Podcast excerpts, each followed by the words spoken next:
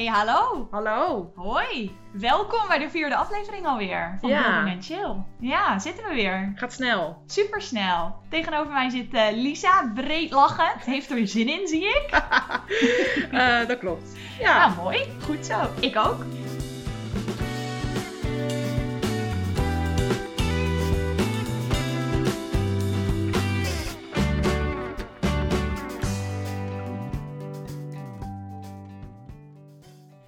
Beginnen eventjes met wat eh, kleine randinformatie. Vind ik altijd leuk. Even de setting schetsen. Schets is de setting. Waar zitten we? Nou, we zitten weer gewoon in onze eigen woonkamer. Thank God. Ja, eh, maar het is avonds, dus dat houdt in dat er eh, minder auto's voorbij rijden. Yes. Eh, en, nou, we hebben dus nieuwe apparatuur.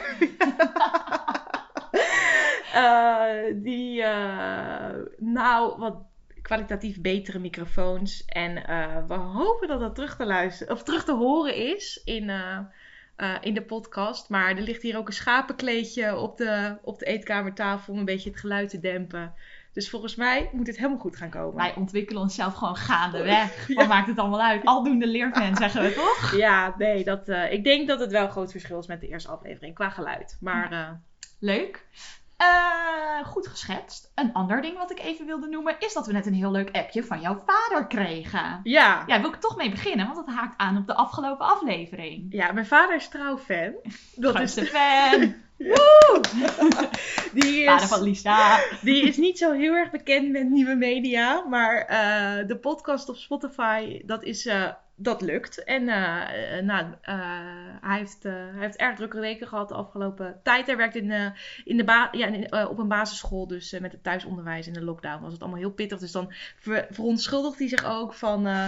ja, het is nog niet gelukt om de podcast te luisteren, maar ik ga hem zeker luisteren. Maar inderdaad, ik kreeg net een appje van hem binnen over Lieke Marsman. Lieke Marsman. We hebben vorige aflevering het tegenovergestelde van een mens van haar besproken. Ja, Wat heeft hij geappt over Lieke Marsman? nou, hij heeft mij geappt zo van, eh, nou, dat onze podcast het goed doet, omdat zij nu dichter des vaderlands is geworden. Well, thanks to us, Ja. hè? Ik weet niet hoor. Dit causale verband eh, is, ja, dat... eh, Daar kun je niet omheen. Daar kan je niet omheen, Nee. nee. dus... eh, nee, dat is superleuk. Van eh, jullie podcast doet het goed. Eh Lieke Marsman is dichter des vaderlands geworden. Nou ja, wij feliciteren Lieke natuurlijk bij harte. Ja, van Ja. harte bij deze. Ja. Super. Ik ben heel blij. Ik vind het echt leuk. Ja. Verdient ook. En heel erg goed voor de diversiteit. Toch? Ja, omdat het een vrouw is. Ja, vind ik wel. Altijd goed. Vrouw is altijd goed. Ja. Oké, tot zover de, de ditjes en datjes. Eh, wij gaan het, deze aflevering hebben over Godfried Bomans. Daar maakte je de vorige keer ook al een prachtig bruggetje mee. Want toen koppelde je het boek Het tegenovergestelde aan een men, van een mens aan de, de quote van Godfried Bomans. Het leven is meer Maandagochtend dan zaterdagavond. dan zaterdagavond. Hebben wij Prachtig. deze week allebei ervaren. Zo, dit was wel echt een week vol maandagochtenden. Ja, het hield maar niet op. Het Nee. hield niet op. Het is nu eindelijk vrijdagavond. Ja, ik heb uit pure ellende maar gewoon gisteren een carrot cake gebakken. Omdat ik dacht, van daar is het nog een beetje... Lekker jongens, die is lekker geworden. Ja, maar daar hou je nog een beetje dat je denkt van, eh, eh, nou ja, dat het leven leuk is. Zeg maar. Ja. Nee, ja, dat klinkt net alsof we ons even verdriet wegeten. Maar Het was gewoon een pittige week. ja. Hoe dan ook was het dus echt een goed gekozen quote. Eh, Nou, thanks. ja, want en hij paste bij de week. We hadden er hou vast aan. Maar ook, we gaan het over Godfried Bomans hebben deze aflevering. Namelijk Erik of het Klein Insectenboek. Eh, wat, wat gewoon een heel erg leuk boekje is. Dus ik hoop ook dat het een hele leuke aflevering wordt. En ik heb er heel veel zin in. Eh, ik dacht even beginnen met een beetje te vertellen over Godfried Bomans. Een heel klein beetje, want ik ben heel slecht in dit onderdeel. Dus ik noem gewoon eventjes de dingen die interessant zijn om te weten. Namelijk dat Godfried Bomans al lang niet meer leeft. Hm, dat wisten we misschien niet allemaal, maar bij deze, hij leeft al lang niet meer. Erik of het Kleine Insectenboek eh, is uitgekomen voor de oorlog, nog vlak voor de oorlog, of misschien net erin. Volgens mij 1940 was die af, 1941 uitgekomen. Ja, dus zoiets. dat was wel in de oorlog. Ja, nou ja, ligt eraan wanneer in, 19, in- wanneer in 1940 die af was, toch? Want in 1940 brak de oorlog Ja. uit. Ja. Nou goed, in ieder geval rond die tijd. Eh Godfried Bomans was dus een schrijver, maar schreef ook vooral veel columns. En was echt een mediapersoonlijkheid. Ik heb ook ergens gelezen over hem eh, dat mensen hem een soort clownesk figuur noemden. En in zijn werk komt dat ook al naar voren. Hij schrijft wel humorvol. Eh, maar ook wel echt ironisch. Of ja, ik lees dan ironisch. Zelf zou ik zeggen sarcastisch. Maar het is humor waarvan je denkt... Oh ja, dit is, het is humor om iets ook te verbloemen of zo. Of ja, de- ja sarcastisch. Dus ehm, ja, ik vind dat heel erg leuk. Ja. Maar eh, Geinige vent, lijkt het me. hij lijkt mij ook heel leuk. Jammer dat hij, eh, dat hij eh, er niet meer is. Ehm, in ieder geval, hij heeft nooit echt literaire prijzen gewonnen. En ook nooit echt heel veel eer gekregen voor het werk dat hij heeft geschreven. Omdat mensen het werk gewoon niet heel bijzonder vonden. Ze zagen wel dat hij een groot schrijver, dat hij potentie had. Er zat potentie in, hij was potentieel. Maar Maak deze grap even af. je moet het. Is van Kamp van Koningsrug. Daar zit een gast in die wel alles zegt, maar het heeft wel potentie. Ja. Ja, Tom, het heeft wel potentie. In ieder geval. Godfried Bonus had potentie, maar mensen zeggen, kenners zeggen, literatuurkenners, dat het er nooit echt uit is gekomen. Nee, maar mag ik even hier iets leuks dan even op inhaken? Nou, tuurlijk. Ja, ik eh, val wel eens in bij de Taalstaat. Ja. Eh, Radio 1 programma eh, Ja, met jij Frits bijna Spits. Nee, hou op. Helemaal niet. En dat is ook echt niet wat ik eh nastreef. Maar ehm, wat zij altijd doen, is aan het begin van de uitzending leggen zij drie kussens neer. En met, met een gast bespreken ze dan...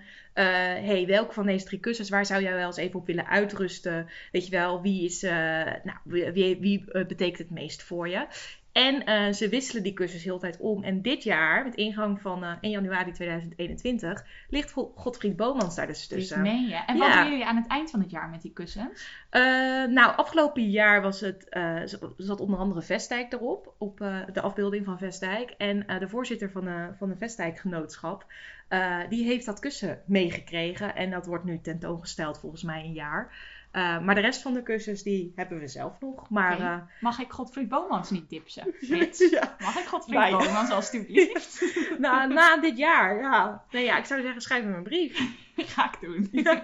Leuk feitje dit. Ja. Grappig. Wat leuk dat jullie Dus hebben. gasten in de taalstaat kunnen nu een jaar lang eh, kiezen voor Godfried Bomans. Ik hoop dat hij veel gekozen wordt. Ik hoop het ook. Nou, wij gaan het hebben over Erik of het kleine insectenboek. Ja, Erik is een, een jong jongetje in dit verhaal. Eh, gaat naar bed op een avond, ligt in dat bed en kan de slaap niet zo goed vatten. Hij moet leren voor een toets uit een insectenboek over insecten. Nou, daar kijkt hij nog een keer naar. Ehm, en op een gegeven moment besluit hij toch dat hij wil gaan slapen. En dan ineens komen de schilderijen in die kamer tot leven. een soort Harry Potter. Een soort Harry Potter, ja. En eh, nou, zijn grootvader, die op een schilderij zit, begint tegen hem te praten. Maar zijn grootvader is eh, van zijn schouders tot zijn hoofd afgebeeld. Eh, dus die kan niet bewegen. Maar zijn grootmoeder staat op een kleiner schilderijtje. En die is van top tot teen afgebeeld. Dus die kan bewegen. En die komt op een gegeven moment uit het schilderij zetten. Loopt naar Erik toe. Maakt Erik klein. Hoe dat precies gebeurt is mij een raadsel. Maar Erik wordt heel klein. En eh, op het moment dat hij zo klein is, kan hij het schilderij in, wat hij zelf Wollewei noemt, wat hij daar ziet. Het is gewoon een groene weide waar dus allemaal insecten leven. Hij ziet een herdertje op dat schilderij. Maar Erik kan dat schilderij in, hij kan Wollewei in. Nou, vanaf daar beginnen alle avonturen. Komt hij wespen tegen, bijen, hij slaapt in een slakkenhotel. Hij heeft een discussie met de worm. Eh, hij komt een doodgravertje tegen. Hij werkt hard bij de mieren en op een gegeven moment wordt hij weer wakker. Eh, blijkt het een droom. In ieder geval wordt er gesuggereerd dat het een droom was. Erik blijft geloven dat het echt was, geloof ik. Ja. Eh, nou, en dan loopt het boek een beetje op het einde. Dus het is niet een heel verrassend boek qua verloop van het verhaal. Maar nou ja, wel heel leuk geschreven. En eh, eh, ja, gewoon grappig om te lezen. Ja, het is een beetje Alice of Wonderland Precies. meets Harry Potter. heel goed. En eh, eh, zeg maar de Ja. dieren van, eh, van Toon Tellige. Want uh, Toon Tellige schrijft altijd over dieren. ja, precies. eh, die ook eh, kunnen praten. ja, Eh, dus het is een beetje een soort van, je herkent er heel veel van in. En nou ja, werken die ook later eh, dan dit boek zijn gepubliceerd. Maar grappig. Dus dat- zeker met terugwerkende kracht, als je het nu leest, dan eh, is het een soort een groot samenraapsel van heel veel verhalen bij elkaar. Ja. het- had ik het gevoel toen ik ja het en las. gewoon eh, dus ook van eh, soort, eh, thema's en maniertjes die we allemaal heel leuk vinden. Vroeger al, maar nu nog steeds. Want het wordt nog steeds goed gelezen. Ja, Ja, leuk. Zullen we naar de eerste stelling? gaan we doen. De eerste stelling die ik heb bedacht bij dit boek is: de insecten in het boek zijn onsympathiek.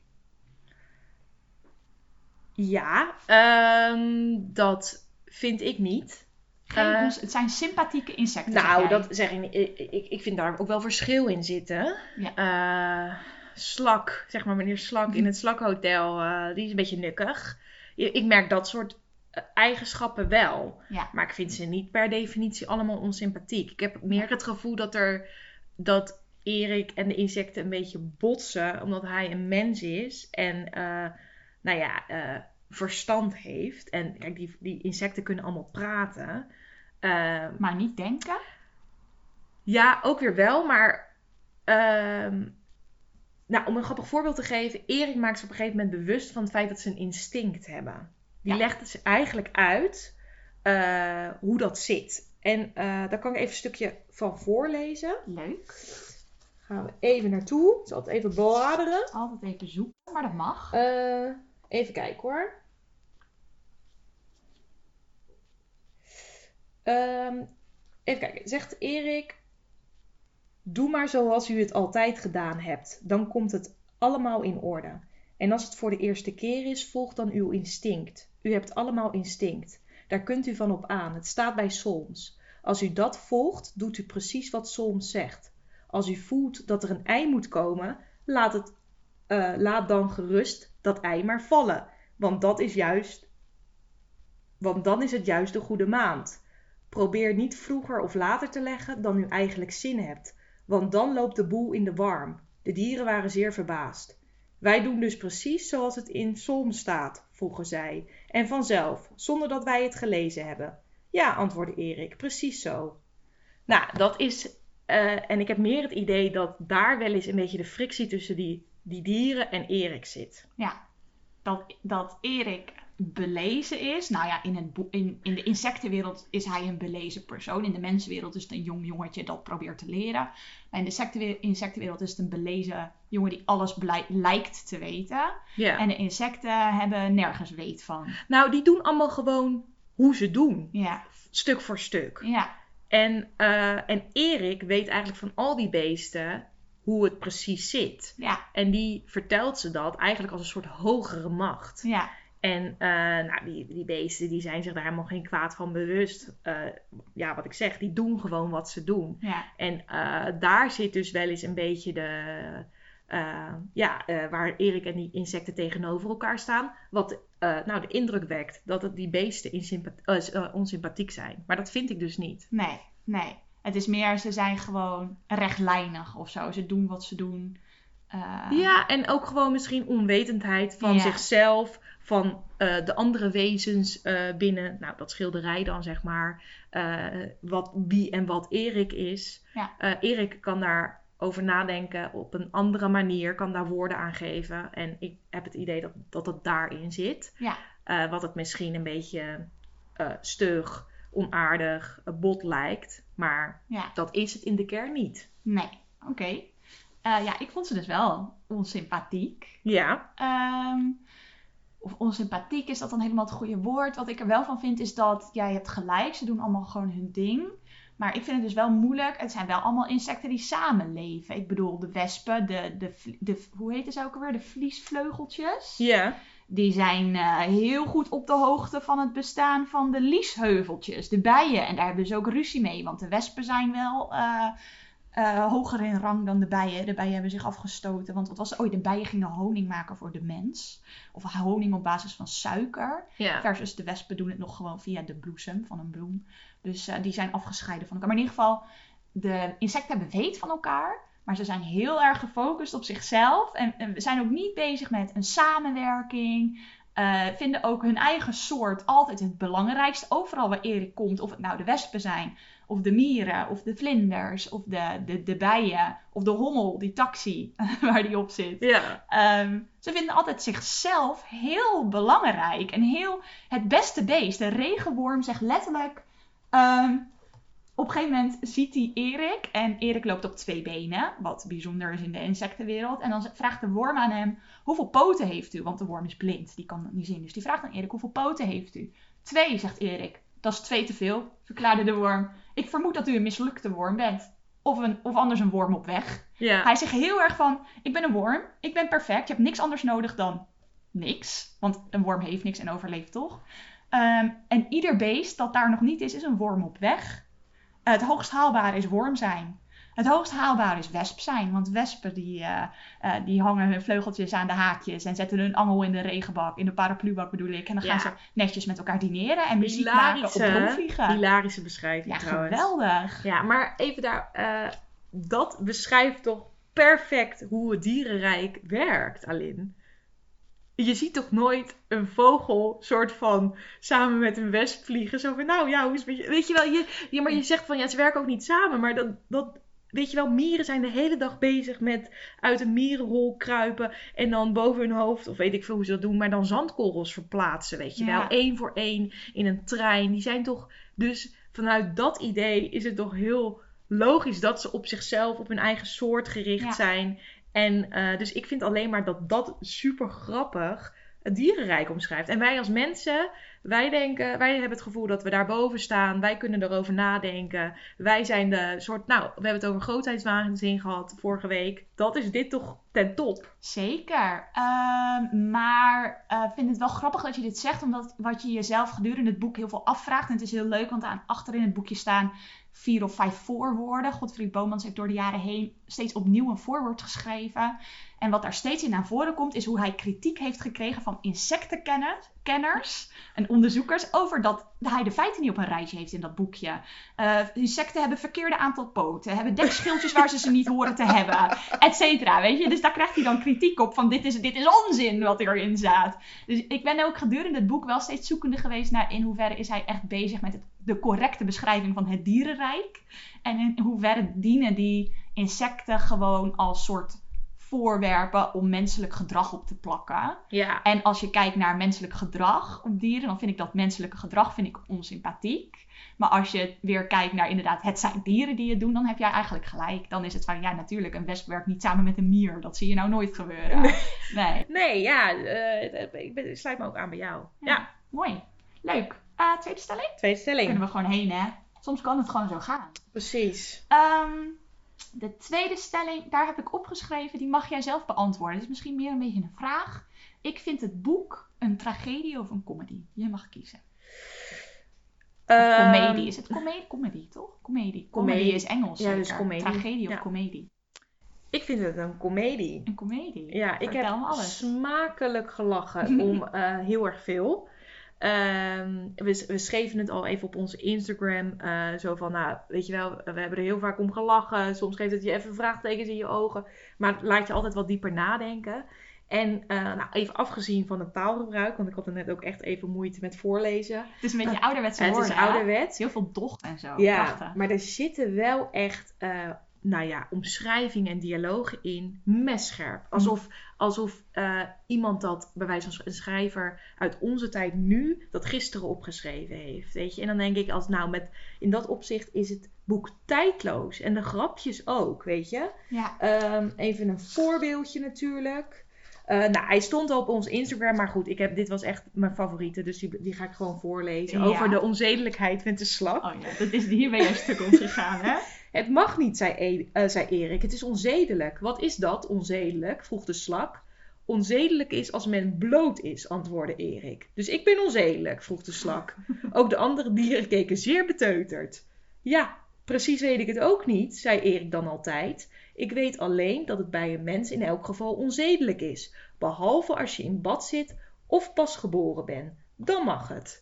Nou, dit is natuurlijk, dit is hilarisch. Ja, dat is heel leuk. Wij hebben met elkaar ooit bedacht dat bloot onzedelijk is.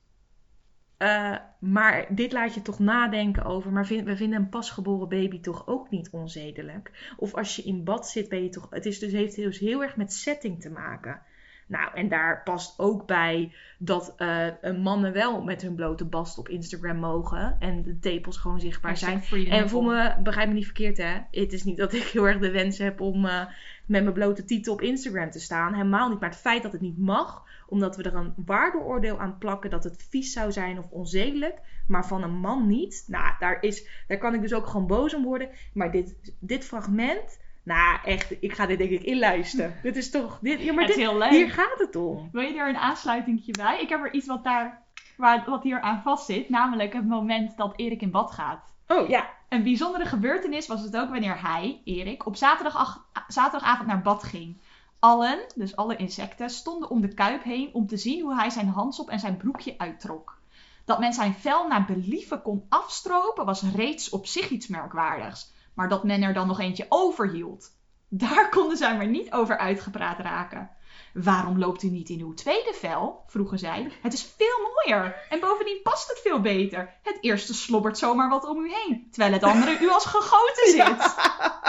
Dit is fantastisch, toch? Het is toch heel leuk? Ja. heel, het heeft iets heel onschuldigs en naïefs. En daardoor ook iets heel waars of zo. Nou, het is super ontwapenend. Ja. Gewoon dit soort, eh, dit soort eh, eh, teksten vind ik zo ontwapenend. En Ja. haast een soort kinderlijk, maar zo waar en cool. Ja. Ja, nog een klein ja, voorbeeldje. we gaan door in die comedie. Ja, toch? Want precies. daar zitten we. Ja, daar, nog om een voorbeeld te geven. En deze is wel grappig, want deze is, ehm, is een beetje op het snijvlak van ook de vorige stelling. Eh, waarin het dus, dan zitten ze in het slakkenhotel. En dan komt Rup zeg maar niet van zijn kamer af. En dan snapt niemand. Ja, wat zou er toch... Hij En het eet ging ze- al even niet zo goed met het ging al niet goed met Rups. En ze- hij eet zijn eten ook niet op. Hè. Zijn blaadje sla blijft gewoon voor de deur liggen. En Erik heeft dan zo'n soort inzicht van...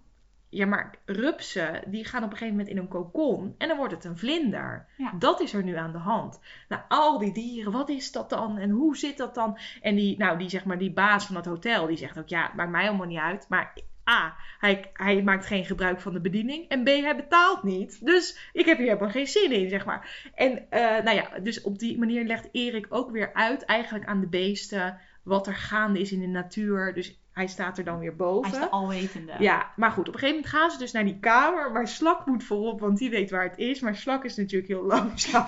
Dat vind ik ook zo leuk. Dat vind ik ook zo fantastisch. Oké. Man, riep de sprinkhaan, vertwijfeld tegen het plafond springend. Kan het nu niet iets harder?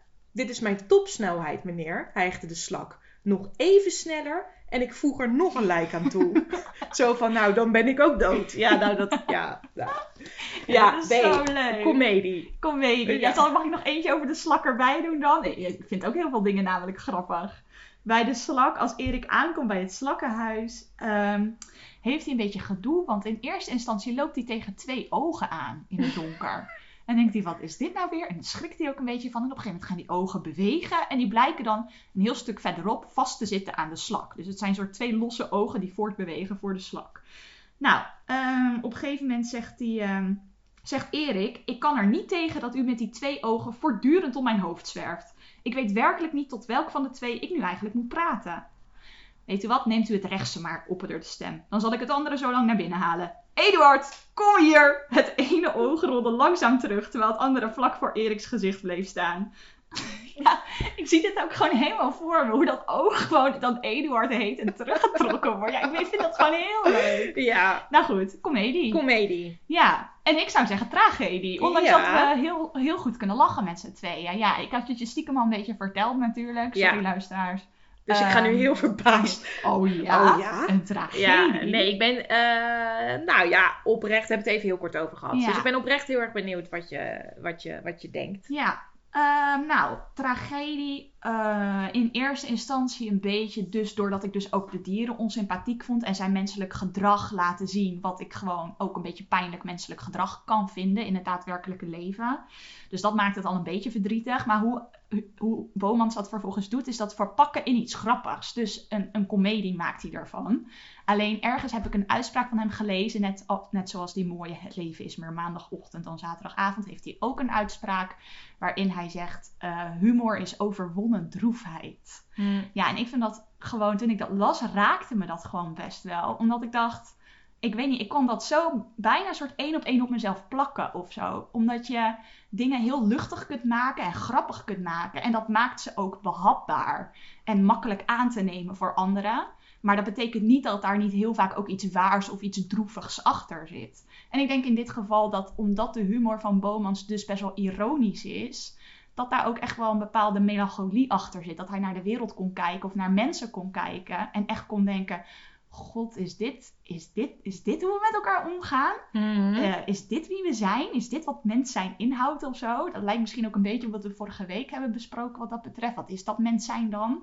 Maar, eh, en vervolgens maakt hij daar een grappig verhaaltje van, wat wij allemaal heel lichtvoetig kunnen weglezen. En dat is super fijn. Maar eh, ik lees daaronder dus ook wel een beetje tragedie. Ja, Ja. misschien. Misschien zoek ik het te ver. Misschien koppel ik zijn quote nu aan iets waar het niet voor bedoeld is. Maar het raakt me wel en ik kan het er wel in vinden. Ja. ja. Ja, Nou, doordat mooi. ik dus ook de dieren in eerste instantie al niet eh de meest sympathieke wezens op aarde vond. Eh, ja, ja, zou ik zeggen tragedie. Nou ja, het is wel, wel grappig, want we hebben eh, in de kerstvakantie hebben wij samen de documentaire ja, rond over Joep, zeg maar, gezien. Ja. Joep van het Hek, want Joep van het Hek deed natuurlijk zijn oudejaarsconferentie. Ja, en op een gegeven moment zegt Ronald Goedemond, Goedemond zegt dat ook. Zo van, de lach is eigenlijk voor iedere cabaretier ook een soort vlucht geweest. Zoiets zegt hij dan. Van, eh, nou ja, een ander zegt van, we moeten niet te veel psychologiseren. En, eh, maar toch wel, ik vond dat meerdere cabaretiers aangaven van... Cabaretiers zijn een beetje mensen die eh, vroeger miskend zijn. In wat door hun ouders, door vrienden op school, I don't know. Maar eh, en, eh, ja, de lach is een soort, ook een soort vlucht geweest. Eh, en daar zit dus inderdaad eigenlijk heel veel melancholie ook misschien onder. Ja. Dus in dat opzicht past het daar wel heel goed bij. En ik denk ook helemaal niet dat het onwaar is. Dus eh, ja. Nee, ik vind het ook heel mooi dat je dit eraan linkt en dat je het ook een vlucht noemt. Omdat ik zelf ook dacht, het is een vlucht. Ik kom daar straks nog op terug aan een artikel wat ik aan dit boek wil koppelen. Dat gaat hier ook een beetje over. Dus ik vind het echt heel tof dat je dit nu zo Oh, ja. noemt. Komt toevallig heel mooi uit. Again. We hebben mooie gesprekken.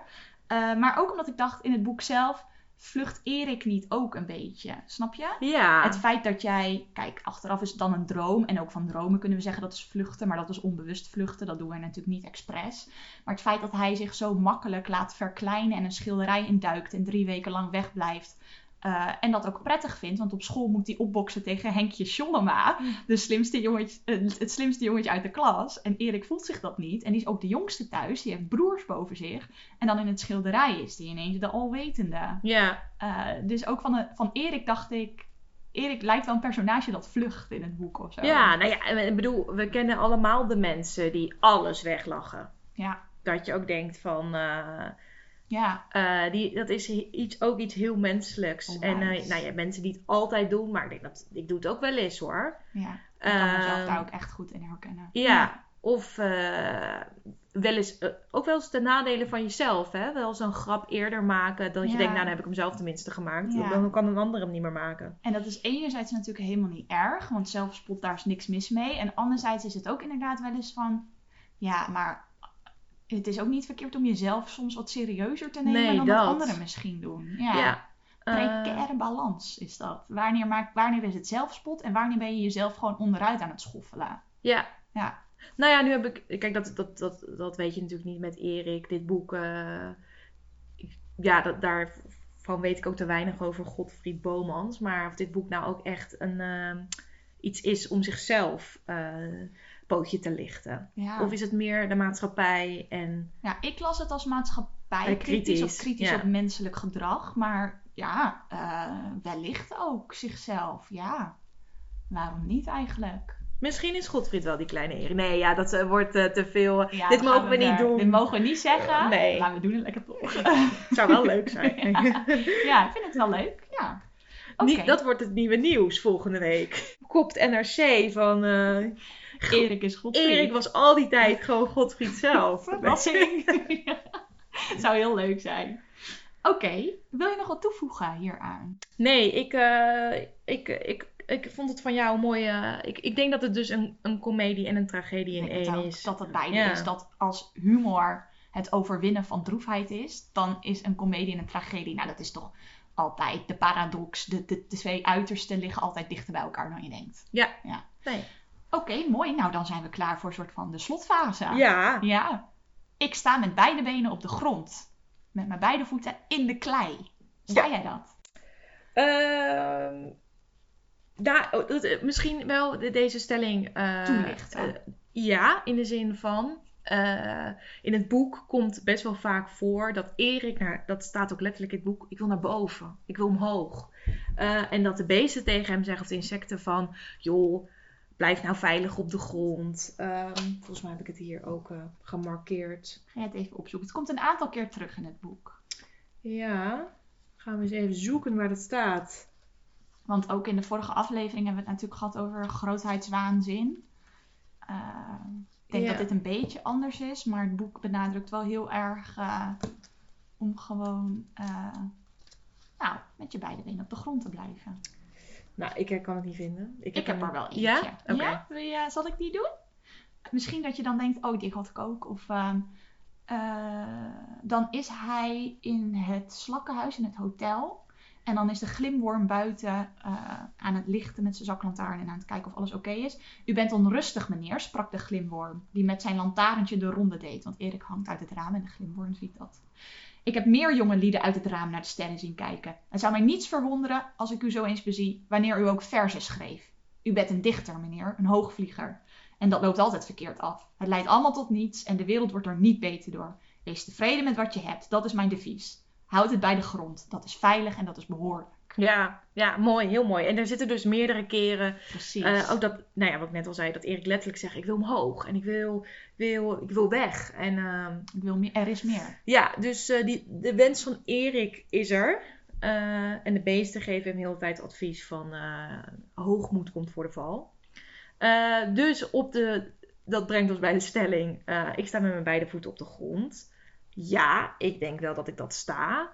Maar ik herken Erik eh, wel. Wat herken je van Erik? Nou, dat je omhoog wil en dat je, dat je je vleugels wil spreiden en dat je benieuwd bent wat er allemaal nog is. Een soort ambitieuze, ambitieusiteit wilde ik zeggen, dat is geen woord. Bij deze is het een woord volgende week in het NRC. nieuwe, Nee, nieuwe Ik ben wel ambitieus, dus eh, ja, ik wil wel omhoog. Ja. Ik, ik, ik herken dat wel, maar ik denk wel dat ik een, ook een nuchter mens ben en, en, en met mijn beide benen op de grond sta of gehouden word op die manier. Ja, ja. En waar, eh, waar ben je ambitieus in? Waar zie je jezelf, of hoop je dat je misschien omhoog gaat? Nou, ik ben in mijn werk wel ambitieus. Ja, Ja, eh, dat wil ik heel graag en daar stop ik veel tijd in. En eh, daar ga je ook voor. ja, ja. ja. En hoe zie je dan dat jij toch met beide benen op de grond blijft staan? Ehm, nou, wat ik belangrijk vind is dat je het niet in je bol krijgt. Dus dat je dat, dat, eh, nou, dat eh, dingen misschien lukken. En, maar dat ik dat altijd wel blijf eh, koppelen aan hard werken. daar zelf heel veel voor, voor doen. Ik heb ook altijd wel een beetje moeite met mensen die dat hem om een of andere reden kwijt lijken te zijn. En eh, ontzettend veel delegeren. En dat ik wel eens denk, ja, maar ben jij helemaal kwijt waar je ooit vandaan gekomen bent of zo? En ik hoop zelf dat ik dat wel altijd vast blijf houden. Dat ik weet waar ik vandaan gekomen ben. Ja. En dat het hard werken erbij hoort. Ook als je eh, bij wijze van een topfunctie zou hebben. Ja, eh, ja, ja, dat. Mooi, wat goed. Ja, ik kan me dat ook wel voorstellen bij jou. Weet je, ook, ook een beetje de Rotterdamse mentaliteit, toch? Ja, en dus dat is ook wel een soort Gewoon, gewoon normaal. Gewoon, eh, ja. Normaal. En niet lullen, maar, eh, niet lullen, maar poetsen, zeg maar. Ja. Eh, en, nou ja, dat is gelijk zo generaliserend. Maar die, die harde werkerscultuur, die zit er wel in bij Rotterdammers. Ja, ja. Dat is, is dat wel- bij, jullie in, de, in het gezin ook? Ja, ja. En dat, natuurlijk, en dat successen heel erg, heel erg leuk zijn en fijn. Maar dat dat altijd wel voort moet komen uit, eh, uit eh, ja, eh, dat je daar zelf hard voor gewerkt hebt. dat je het zelf heel graag wil. En dat je dat ook dus niet moet vergeten. Ja, niet naar je schoenen gaan lopen. Niet naar zijn schoenen gaan lopen, nee. En, eh, ehm, nou, en dat het nooit een reden mag zijn om onaardig tegen andere mensen te doen. Nee, mooi. En, en, en dat vind ik denk ik het allerbelangrijkste. Ja. Want dat kom ik in mijn dagelijks, of in mijn dagelijks leven, dat kom ik wel tegen. Eh, ehm, dat je dat mensen dus inderdaad een wat hogere positie hebben. En dan opeens eh, eh, ehm, tegen de mensen onder zich gaan snauwen. Of heel erg van die kuttaken delegeren, weet je wel. En dan denk ik van, jij bent hier ook geweest. We zijn allemaal begonnen Ja, je weet ook hoe kut dat was. Ehm, en een beetje die mentaliteit van ja, dat heb ik allemaal mee moeten maken, dus dat ga ik dan nu ook maar lekker weer doen. Dat vind ik echt de ergste mentaliteit ooit. Dus nee, ik denk dat het belangrijkste is waar je ook komt in het leven. Het mag nooit, weet je wel, je bent nooit te belangrijk om gewoon aardig te doen tegen andere mensen. Nee, mooi. Dat, Dat is, is- een kernwaarde, dat denk ik. is het. Ja. Ja.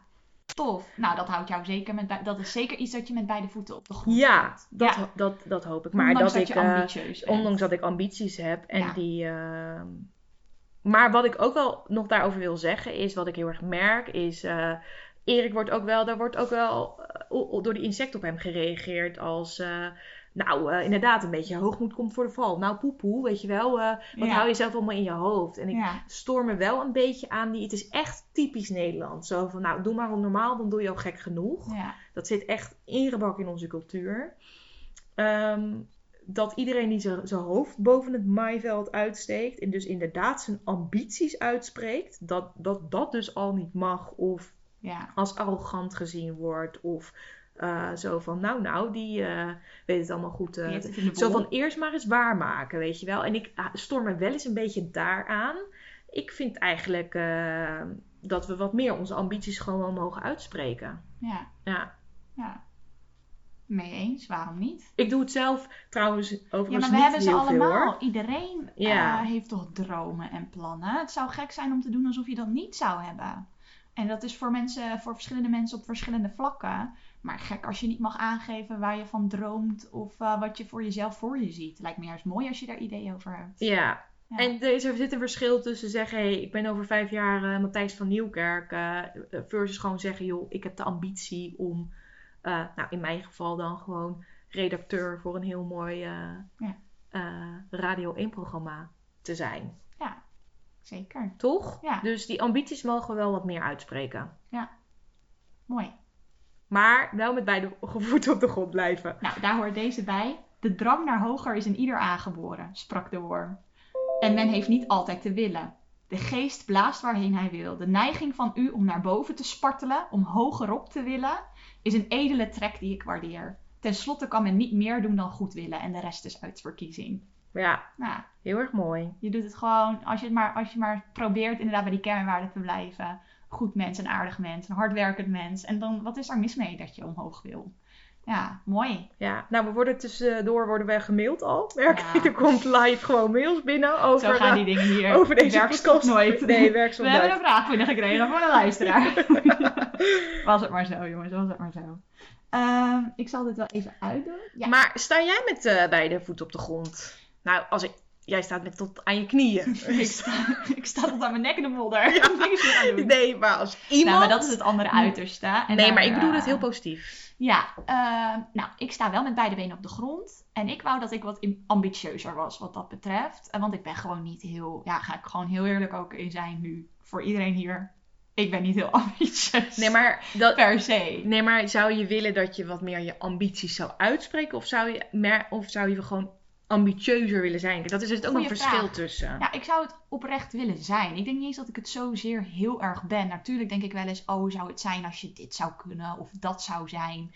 Ehm, maar dat is nou niet, eh, ik heb niet de grote droom om ooit een bepaalde baan of een bepaalde functie te bekleden. Of een, een bepaald soort mens te zijn of om een gezin te hebben. Of, ik weet niet, ik heb dat niet zo ehm, eh, op die manier in mijn hoofd. Nee, misschien moet ik er langer over nadenken en heb ik het dan wel. Dat kan. Ehm, maar nee, ja. Nee, Nou ja, dus je zegt, oh, zegt mens zijn, maar we hebben het vorige week over, eh, over zinvol leven gehad. Ja, nou daarin ben ik dat misschien. Nou, ik ben misschien Toch? een beetje meer een dromer wat dat betreft. Ehm, eh, en nou ja, dat vind ik ook wel mooi inderdaad eh, dat je dat noemt. Ehm, in het boek eh, Erik of het Klein Insectenboek gaat het natuurlijk over dat Erik daar met een soort, het is een soort alwetende man aan het worden. hè. Want die komt met dat soms insectenboek komt hij aanzetten. En al die insecten, hij gaat ze wel even vertellen hoe het zit. Eh, en dan op een gegeven moment inderdaad, nou jij hebt het al voorgelezen, dat hij zegt vertrouw nou op je instinct, want dan komt het allemaal goed. Aan het eind van het boek raakt de dierenwereld in paniek, want ze durven niks meer, zonder dat ze Erik om raad hebben gevraagd. Dus dan is de meikever die zegt er gaat een ei komen. Ik denk vanmiddag, nou doen, zei Erik, niet tegenhouden. ja, zegt de meikever, tegenhouden kan ik het toch niet.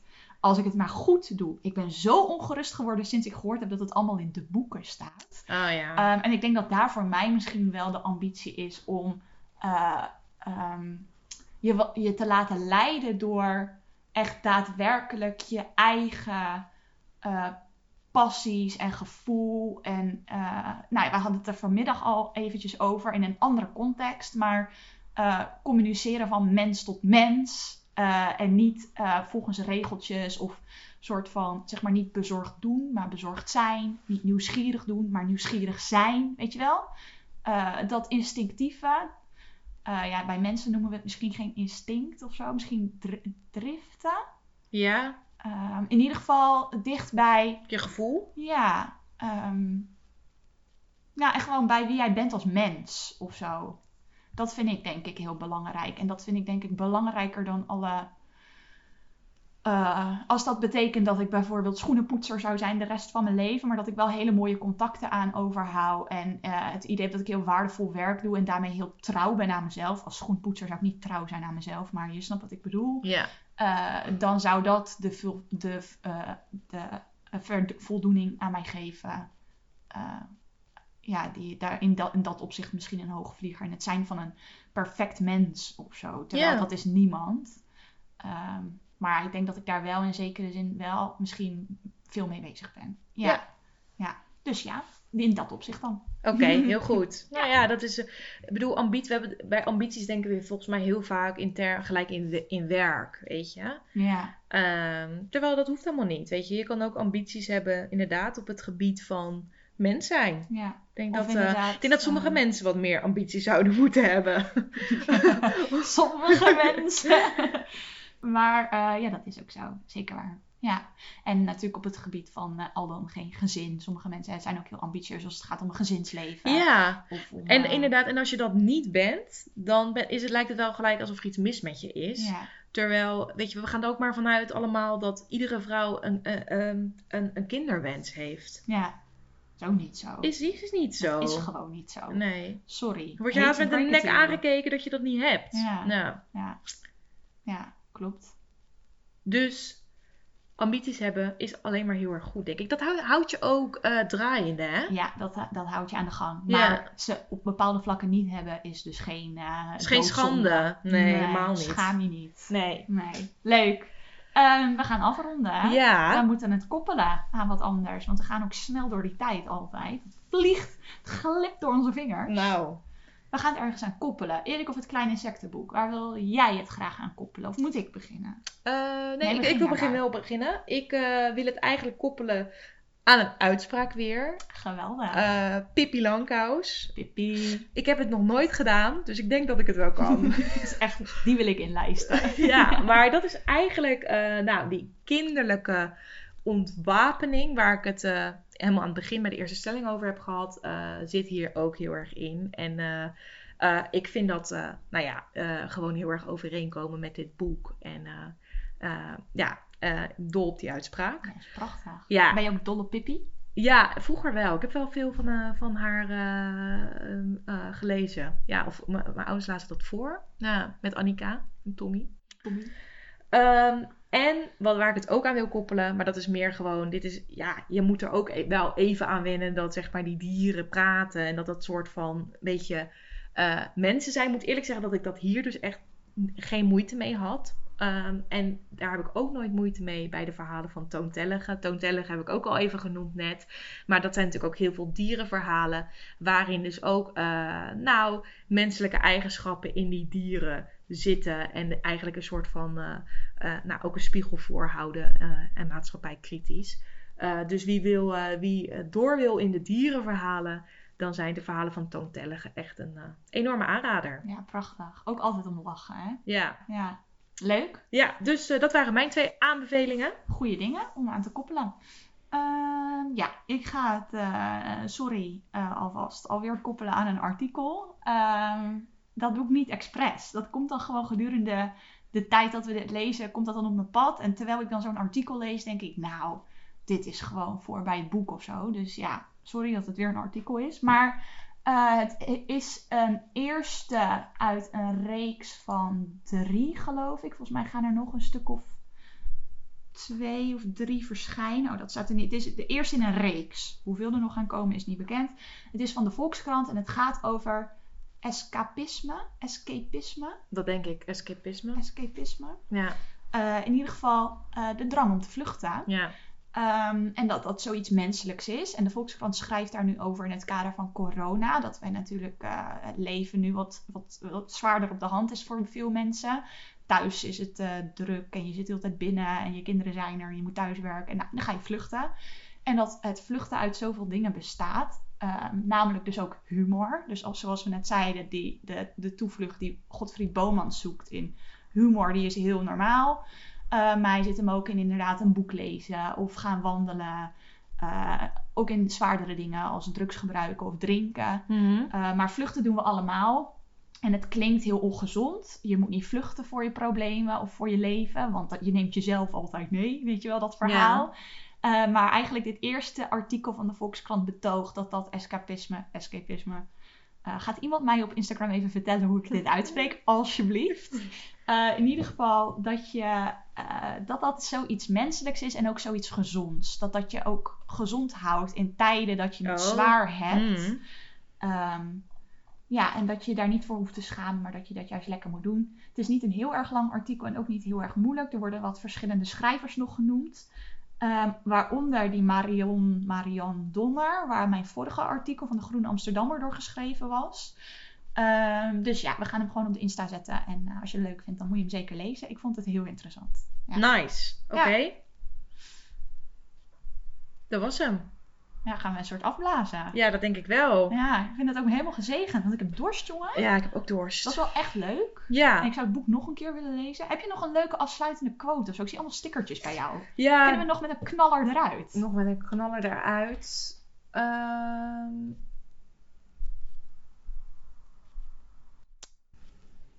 Nou, ik heb zeker wel een, een, uh, een, uh, uh, een quote. Want die lijkt een beetje op Pippi. Ja, dit vind ik heel erg leuk. Dan gaan we daarmee afsluiten. Ja, nou, dit is, je zal het niet geloven. Maar dit is gewoon oprecht een beetje toeval. waar mijn oog op valt. Gaan we. ik weet eigenlijk nog helemaal niet of ik wel kan vliegen, sprak de vlinder, zacht ritselend met haar vleugels. Ik heb het nog nooit gedaan. Maar een stem in mij zegt dat het wel zal gaan. Kijk, dat is nu het instinct, riep Erik. Daar heb je het weer. Denk er maar niet over na en volg die stem. Nou. Ja, dit vind ik prachtig om hiermee af te sluiten. Ja, we zien jullie de volgende keer. Wat gaan we de volgende keer lezen? Marike Lucas Rijneveld. Met De avond is ongemak. De avond is ongemak. Superleuk. We spreken jullie dan. Yes. Doei doei. Doei.